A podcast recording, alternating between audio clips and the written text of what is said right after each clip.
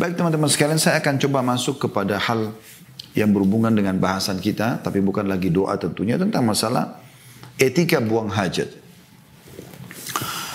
Uh, saya akan nukil dari buku Syekh Abu Bakar Jazair rahimahullah dari Minhajul Muslim. Ada di dalam pasal kedua, etika buang hajat, beliau mengatakan di dalamnya dibahas atau akan dibahas tiga materi.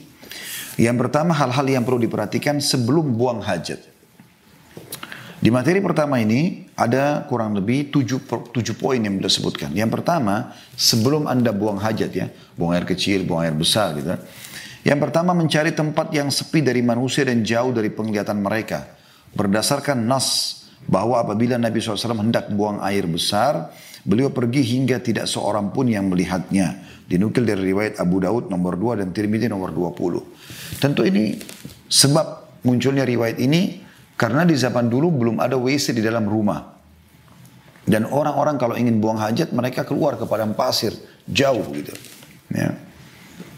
Dan masih berlaku di zaman kita sekarang, kalau seseorang lagi pergi ke satu lokasi, misalnya Anda lagi keluar kota, Anda naik mobil ya, Anda kebelet mau buang air besar, buang kecil, Anda tidak punya, tidak ada rumah masyarakat, Anda berada di sebuah tempat yang sangat jauh, maka tetap di sini berlaku adabnya. Karena kita temukan ada sebagian orang, mohon maaf mungkin tidak asing yang Anda pernah lihat, supir mobil misalnya atau uh, kendaraan tertentu, dia membawa mobilnya ataupun dia supiri, menyupiri mobil tersebut, dia kalau kebelet kencing atau dia turun di pinggir jalan depan orang pun dia maaf membuang hajatnya di got ya. Atau ada sebagian orang membuang hajatnya di sungai di beberapa perkampungan kita atau mandi dalam kondisi terbuka auratnya dan segala macam. Nah, ini semua termasuk yang uh, masuk dalam bahasan kita. Kemudian yang kedua, tidak membawa serta sesuatu yang mengandung nama Allah Ta'ala Berdasarkan riwayat yang menyebutkan bahwa Nabi SAW mengenakan cincin yang bertulis Muhammad Rasulullah. Jadi ada Rasulullah ya, utusan Allah. Namun apabila beliau hendak masuk ke tempat buang hajat, maka beliau menanggalkannya. Hadis riwayat Tirmidzi dengan sanad sahih di nomor 1747. Ya, kemudian yang ketiga, mendahulukan kaki kiri ketika masuk ke tempat buang hajat sambil membaca Bismillah Allahumma inni a'udzubika minal khubuthi wal khaba'ith. Dengan menyebut nama Allah ya Allah sungguhnya aku berlindung kepadamu dari setan laki-laki dan setan perempuan. Berdasarkan hadis riwayat Bukhari yang sudah kita sebutkan tadi di buku kita. Kemudian yang keempat tidak mengangkat pakaiannya sebelum mendekat ke tanah untuk buang hajat agar bisa menutupi aurat yang memang diperintahkan syariat untuk ditutupi tentu di sini sekali kalau bukan di rumah ya kalau dalam rumah anda bisa saja membuka menanggalkan semua pakaian anda dalam kamar mandi tertutup cuma anda sendiri saja di situ ya kalau tidak ada masalah. Tapi ini kalau kita sedang berada di tempat yang terbuka umum. Kemudian yang kelima tidak jongkok menghadap kiblat atau membelakanginya saat buang air besar atau buang air kecil. Berdasarkan sabda Nabi SAW, La tastakbilul kiblata wa la tastadbiruha bighaitin au baul. Janganlah kalian menghadap ke arah kiblat dan jangan pula membelakanginya saat buang air besar atau buang air kecil. Hadis ini riwayat Bukhari nomor 144 dan Muslim 264. Hmm. Ini penting teman-teman sekalian ya. Karena saya temukan banyak sekali ya di rumah-rumah kaum muslimin. Berapa kali saya berkunjung ke rumah orang.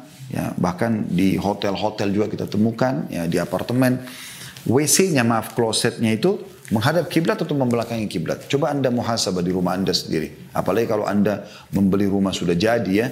Nah, sedangkan yang developernya muslim saja kadang-kadang masih belum tahu masalah ini apalagi kalau non muslim gitu ya jadi kalau ini ada di rumah anda anda harus mengubahnya kloset itu nah, kami pernah membeli sebuah rumah ternyata begitu keadaannya jadi memang risikonya apa boleh buat kita harus mengubah ya jadi Nabi SAW melarang itu tidak boleh menghadap kiblat tidak boleh membelakangi kiblat sebentar anda coba lihat posisi WC anda di rumah ya yang keenam tidak buang air besar atau buang air kecil di tempat berteduhnya manusia atau di jalanan mereka, di tempat mengalirnya air yang dibutuhkan mereka ataupun di bawah pepohonan mereka yang berbuah. Nah, ini subhanallah adabnya luar biasa. Berdasarkan sabda Nabi SAW, Ittaqul mala'ina thalatha al-baraza fil mawarid wal waqari'ati tariq wal zil. Jauhilah tiga perbuatan terlaknat dimurkai oleh Allah Subhanahu wa taala ini. Yang pertama buang air besar di tempat mengalirnya air di tengah jalanan dan tempat berteduh. Hadis ini diriwayatkan oleh Al-Hakim dengan sanad sahih di jilid 1 halaman 76. Nah, ini banyak sekali kita temukan orang ya di sungai mereka main buang hajat sembarangan. Padahal di depannya mungkin di sana sebelah sana beberapa meter saja ada orang yang sedang cuci pakaian ada orang yang sedang mengambil air untuk masak mencuci baju dan seterusnya. Dan juga telah diriwayatkan dari dari beliau juga ya, hadis yang melarang buang air besar di bawah pepohonan yang berbuah. Ini subhanallah ada pengaruhnya juga ya. Saya pernah punya hubungan kerabat atau ada salah satu kerabat kami pernah punya madu yang bagus asli, kemudian pecah. Kebetulan ditaruh di wadah kaca ya. Pada saat pecah kan sudah tidak mungkin dimakan karena bercampur dengan serpian serpian-serpian kaca itu. Maka dia mengambilnya, memungut semaksimal mungkin karena kebetulan di lantai, kemudian dicampur air, diaduk, lalu dituang ke pohon jambu yang ada depan rumahnya. Ternyata tuh buahnya jadi sangat manis seperti ada rasa madunya. Ya mungkin mirip seperti manusia yang mengkonsumsi makanan. Pohon pun menyerap itu. Maka kencing ini kita sudah tahu sebenarnya kotoran yang dikeluarkan dari tubuh kita, maaf sama dengan tinja, ini semuanya tidak dibutuhkan oleh tubuh, maka ini akan berpengaruh. Makanya Nabi SAW juga melarang masalah itu. Kemudian yang ketujuh tidak berbicara ketika buang air besar. Berdasarkan sabda Nabi SAW, Ida tagawwata rajulani falyatawara kullu wahidin minhuma an sahibi, wa la yatahaddathani fa inna Allah yamkutu ala dharik. Jika dua orang laki-laki atau dua orang sedang buang air besar, maka hendaklah mereka saling membelakangi dan masing-masing tidak saling berbicara atau ngobrol. Karena sungguhnya Allah membenci itu. Hadis riwayatkan oleh Abu Daud. Ya, ini mungkin kalaupun anda di rumah juga begitu ya. Suami istri, walaupun anda bisa saja suami atau istri masuk ke kamar mandi yang suami atau istri ada. Tapi kan kalau dia lagi buang hajat di WC jangan diajak ngobrol. Gitu kan. Ini dihindari karena ini dilarang oleh Nabi alaihi salatu wasallam karena sungguhnya Allah membenci itu. Atau mungkin Anda berada di uh, mall ya atau mungkin di masjid ya biasanya kan WC-nya itu bersebelah-sebelahan ya sehingga dia ngobrol sama temannya sambil buang hajat. Ini termasuk yang dilarang tentunya. Nah, ini tujuh poin teman-teman sekalian sebelum ya buang hajat. Jadi yang pertama mencari tempat yang sepi, yang kedua tidak membawa benda-benda yang mengandung namanya Allah Subhanahu wa taala ya. Tentu di sini HP tidak masuk ya, HP boleh saja. Karena pernah ditanya kepada Syekh Utsaimin rahimahullah tentang boleh nggak oleh seseorang seseorang bertanya mengatakan boleh nggak saya masukkan HP saya ke dalam WC sementara dalamnya ada aplikasi Al-Qur'an. Kata Syekh boleh. Orang itu bertanya kedua kali sampai ketiga kali kena penasaran maka Syekh mengatakan apakah di otakmu ada Al-Qur'an? Dia mengatakan iya. Kalau gitu keluarkan juga gitu. Karena itu tidak mungkin gitu. Kecuali memang alat itu murni Al-Quran semuanya, maka itu tidak boleh. Ya. Termasuk di sini cincin tadi sudah disebutkan. Yang ketiga, mendahulukan kaki kiri pada saat masuk. Ya. Kemudian yang keempat, tidak mengangkat pakaian sebelum mendekat tempat WC itu supaya tidak terlihat aurat. Jadi kalau di tempat umum ya. Kemudian yang kelima, tidak jongkok menghadap kiblat atau membelakangi tidak hadap kiblat atau menghadap kiblat pada saat buang hajat. Yang keenam, yang keenam tidak buang air besar atau buang air kecil di tempat berteduhnya manusia atau di jalanan mereka atau juga di pohon yang sedang berbuah. Kemudian yang ketujuh tidak berbicara ketika buang air besar. Ini tujuh adab sebelum buang hajat. Materi kedua hal-hal yang berkaitan dengan istijmar atau bersuci dengan batu atau benda padat dan istinja bersuci dengan air. Dalam materi kedua ini Syekh Abu Bakar rahimahullah menyebutkan ada empat poin yang pertama, tidak beristijmar atau bersuci dengan tulang atau kotoran dalam kurung tinja padat yang kering. Berdasarkan sabda Nabi SAW, tastajmiru bir rawthi wala, wala bil idham, fa innahu zadu ikhwanikum minal jin. Janganlah kalian beristijmar ya, dengan kotoran dan jangan pula dengan tulang. Karena tulang itu adalah makanan saudara-saudara kalian dari bangsa jin. Hadis ini diriwayatkan oleh Bukhari Muslim. Jadi kalau ada air, Anda cebok dengan air. Langsung saya bahasakan begitu namanya ya, istinja. Tapi kalau tidak ada air biasanya orang beristijmar. Istijmar itu kayak menggunakan batu ya. Ya, benda-benda padat yang memang kering ya, seperti itu. Maka itu boleh digunakan pada saat air tidak ada tentunya ya. Kalau Anda ingin menggabungkan keduanya itu adalah hal yang sangat baik gitu ya. Kata beliau, juga tidak boleh beristijmar dengan sesuatu yang bermanfaat seperti kain yang masih bisa dipakai, kertas atau lainnya. Tidak boleh juga dengan benda yang terhormat seperti makanan karena menghilangkan manfaat dan merusak kemaslahatan, hukumnya haram. Yang kedua, tidak cebok atau istinja dengan tangan kanan. Ya, ini makan dan minum dengan tangan kanan. Kalau beristinja atau bersuci dengan tangan kiri. Atau menyentuh kemaluan dengan tangan kanan. Maaf, kencing ya, atau cebok nggak boleh dengan tangan kanan. Yang memegang kemaluan di sini ya. Sebagaimana sabda Nabi SAW, La yumsikanna ahadukum dhakarahu biyaminihi wa huwa yabul, wa la yatamassah minal. Janganlah seseorang antara kalian memegang kemaluannya dengan tangan kanannya ketika buang air kecil. Ini umumnya biasa laki-laki ya. Dan jangan pula cebok dengan tangan kanannya. Hadis diriwayatkan Bukhari nomor 153 dan Muslim 267. Yang ketiga, dianjurkan beristijmar secara ganjil. Kalaupun menggunakan batu misalnya, maka tiga kali ya, atau tiga buah batu. Jika belum bersih maka bisa lima kali. Berdasarkan perkataan Salman, nahana Rasulullah sallallahu alaihi wasallam an al-qiblata bi gha'itin aw bawlin wa an nastanjiya bil yamin wa an nastanjiya bi aqalla min thalathati ahjarin aw an aw nastanjiya bi raji'in aw azmin. Rasulullah SAW melarang kami menghadap ke arah kiblat ketika buang air besar, nggak boleh hadap kiblat atau buang air kecil. Dan beliau juga melarang kami beristinja dengan tangan kanan. Atau melarang kami kurang dari tiga atau tiga batu. Ataupun beristinja dengan ya, tulang. Atau kotoran hewan yang sudah kering. Jadi ini termasuk yang harus dijaga. Kemudian yang keempat, yang terakhir di materi keduanya, jika menggunakan air dan batu maka lebih dulu lebih dulu menggunakan batu lalu beristinja dengan air. Jika merasa cukup dengan salah satunya maka itu pun boleh walaupun menggunakan air lebih baik. Berdasarkan perkataan Aisyah radhiyallahu anha, murna azwajakunna ay yastatibu bil ma' fa inni astahyikum fa inna Rasulullah sallallahu alaihi wasallam kana yaf'alu. Suruhlah suami-suami kalian untuk bersuci atau cebok dengan air. Sesungguhnya aku malu untuk menyampaikan kepada mereka. Sesungguhnya Rasulullah SAW melakukan hal demikian. Hadis riwayat Tirmidzi dan disahihkan oleh beliau di nomor 19. Ya. Jadi ini empat hal yang perlu diperhatikan dengan yang sedang digunakan ya, yang sedang digunakan maksudnya proses pada saat sedang istinja itu berlaku, eh, sedang berlaku pensucian itu. Ya. Jadi sekali lagi Anda menggunakan air jauh lebih baik ya, dan Anda sempurnakan dengan batu itu juga boleh.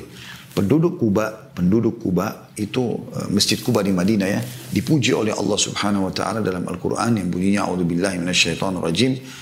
Fihi rijalun yuhibbuna an yatatahharu wallahu mutahhirin. Potongan ayat tentu ini ya. Di sekitar Kuba itu ada laki-laki yang suka sekali bersuci dan Allah suka dengan orang yang suka bersuci. Bagaimana sucinya? Sebagian ahli tafsir mengatakan mereka menggabungkan antara istinja bersuci dengan air dan istijmar bersuci dengan batu. Nah, di sini Syekh Abu Bakar rahimahullah menganjurkan agar bersuci dengan batu dulu baru air. Ada juga yang mengatakan air dulu baru batu. Ya seperti itulah. Tapi kalau Anda cukupkan dengan air maka itu sudah tercukupkan buat Anda tentunya. Ini berhubungan dengan masalah uh, istijmar dan istinja ya. Juga poin penting di sini teman-teman sekalian jangan mubadzir dalam menggunakan air ya. Harus hati-hati. Serta hati-hati juga dengan percikan-percikannya. Jadi uh, spoit Anda di rumah, di kamar mandi, mohon maaf di WC, jangan terlalu kencang airnya, gitu kan, supaya tidak mercik ke sana sini, sehingga bisa menyebarkan najis di sana sini, gitu kan. Jadi coba dijaga adab-adab seperti ini tentunya. Ya. Kemudian materi yang ketiga dan terakhir insya Allah setelah ini kita akan buka pertanyaan. Hal-hal yang diperlukan setelah buang hajat. Ya, jadi kita sudah bahas sebelum buang hajat kita sudah bahas sementara uh, apa yang dilakukan pada saat bersuci dan ketiga adalah setelah buang hajat. Yang pertama mendahulukan kaki kanan ketika keluar dari tempat buang hajat karena begitulah yang dilakukan oleh Rasulullah Sallallahu Alaihi Wasallam. Jadi di sini ada uh, dua poin ya, dua poin. Jadi setelah buang hajat mendahulukan kaki kanan pada saat keluar. Tentu ada ulama juga menambahkan yaitu mengenakan dan menutup aurat sebelum keluar di waktu kita sekarang ini ya. Karena ada sebagian orang misalnya dia keluar maaf dari WC atau dari kamar mandi karena dia pikir ini kamarnya dia sendiri, maka dia menyelonong keluar tanpa pakaian. Ada, ada malaikat di situ. Ada Allah Subhanahu wa taala yang melihat kita.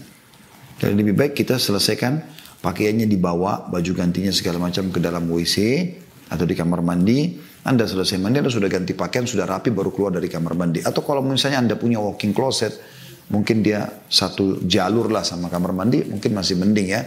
Yang penting jangan teman-teman sekalian dulu alalang sana sini dengan tidak menggunakan pakaian di rumah. Itu usahakan dijaga. Maksud saya di dalam kamar ya, kita bicara kamar pribadi.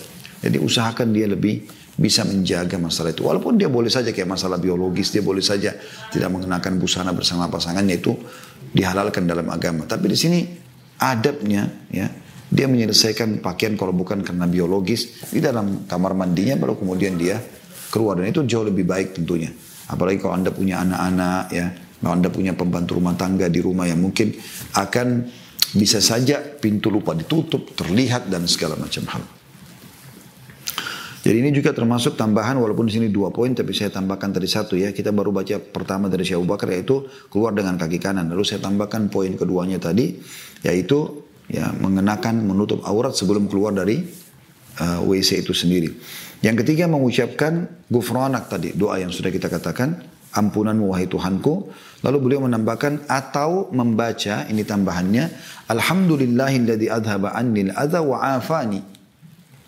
Alhamdulillah segala puji bagi Allah alladzi yang adhaba anni menghilangkan penyakit uh, menghilangkan dari aku al adha ya penyakit dan juga uh, wa'afani dan menyehatkanku. Hadis ini diriwayatkan Abu Daud nomor 30 Tirmidzi nomor 7 dengan sanad hasan. Ya. Jadi hadis ini teman-teman atau dua ini juga sangat bagus untuk dibaca. Jadi selain kufrana kita membaca Alhamdulillahilladzi adhaba annil adha wa afani. Ya. Dan ini menandakan memang Allah subhanahu wa ta'ala mengeluarkan penyakit dari kita. Maaf dengan tinja yang keluar itu. Itu kan sisa-sisa yang tidak dibutuhkan oleh tubuh. Makanya baunya pun kurang sedap. Dan kita dengan hikmah Allah SWT bentuk kasih sayang Allah kepada kita. Kita nggak bisa menolaknya kalau dia mau keluar. Karena kalau tinggal dalam tubuh manusia akan luar biasa bisa merusak segala macam dalam tubuh manusia. Saya ingat dulu pernah ada kasus seorang kapten kapal dari dia, dia orang Amerika meninggal di kapal. Saya dapatkan beritanya pada saat itu beberapa tahun yang lalu tentunya. Uh, sudah sangat lama, saya tidak ingat tahunnya tahun berapa. Tapi dia ditemukan meninggal di WC di kapal, kapal pesiar waktu itu ya. Uh, saya tidak sengaja mendapatkan informasinya pada saya, tapi saya jadikan juga hikmah yang bisa kita ambil gitu ya. Lalu dicurigailah orang-orang kapal, kenapa dia mati? Ada yang bunuh kah? Ada segala macam. Dia temukan tidak ada. Ya, kamar mandi terkunci dari dalam dan segala macam lah. Intinya tidak ditemukan ada indikasi ada yang memburunya. Kemudian diadakan penelitian kira-kira ada apa. Karena ini kapten kapal ini sampai ada sesuatu gitu. Ditemukan ternyata uh, salah satu faktor secara medis ya penelitian itu. Jadi ada uh, semacam gas yang terhirup kembali ya, uh, ke tubuhnya yang menjadi penyebab faktor dia meninggal. Kalau kita sebagai muslim kita tahu tentunya ajal datang. Tapi begitu penelitiannya. Dan ternyata ditemukan, diteliti kotorannya dia, itu sudah tiga hari dia nggak keluarkan. Ya. Eh, subhanallah. Berarti memang menandakan dia terhadap penyakit. Dan doa ini menyebutkan masalah itu. Alhamdulillahilladzi adhaba annil adha. Segala puji bagi Allah yang telah menghilangkan dari aku penyakit. Itu akan jadi penyakit. Wa afani dan menyehatkanku dengan keluarnya itu maka aku jadi sehat. Nah, ini tadi sudah kita sebutkan hadis diriwayatkan eh, hadis sahih dan diriwayatkan Ibnu Majah Maaf, hadis diriwayatkan Ibnu Majah tidak disebutkan sahihnya. Hadis diriwayatkan Ibnu Majah nomor 301. Juga ada doa yang beliau sebutkan dua di sini tapi saya tidak temukan ada riwayat ya. Ya atau tidak dinukil dari buku apa gitu. Beliau menyebutkan doa yaitu alhamdulillahilladzi ahsana ilayya fi awwalihi wa akhirih. Alhamdulillah segala puji bagi Allah alladzi yang ahsana ilayya fi awwalihi wa akhirih. Yang telah ya, berbuat baik padaku pada awal dan akhirnya. Maksudnya pada saat aku makan, kemudian mana yang tersortir menjadi makanan dan akhirnya adalah pada saat terbuang dalam bentuk kotoran yang tidak dibutuhkan oleh tubuh. Atau alhamdulillahilladzi adzaqani ladzatahu wa abqa fi quwwatahu wa adhaba anni adzahu. Alhamdulillah segala puji bagi Allah alladzi adzaqani yang telah membuatku merasakan uh, ladzatahu kelezatan makanan wa abqa fi fiyya quwwatahu wa abqa dan membiarkan kekuatannya tetap padaku maksudnya memberikan aku kekuatan dari makanan tersebut. Wa adhaba anni adahu dan menghilangkan penyakit dariku.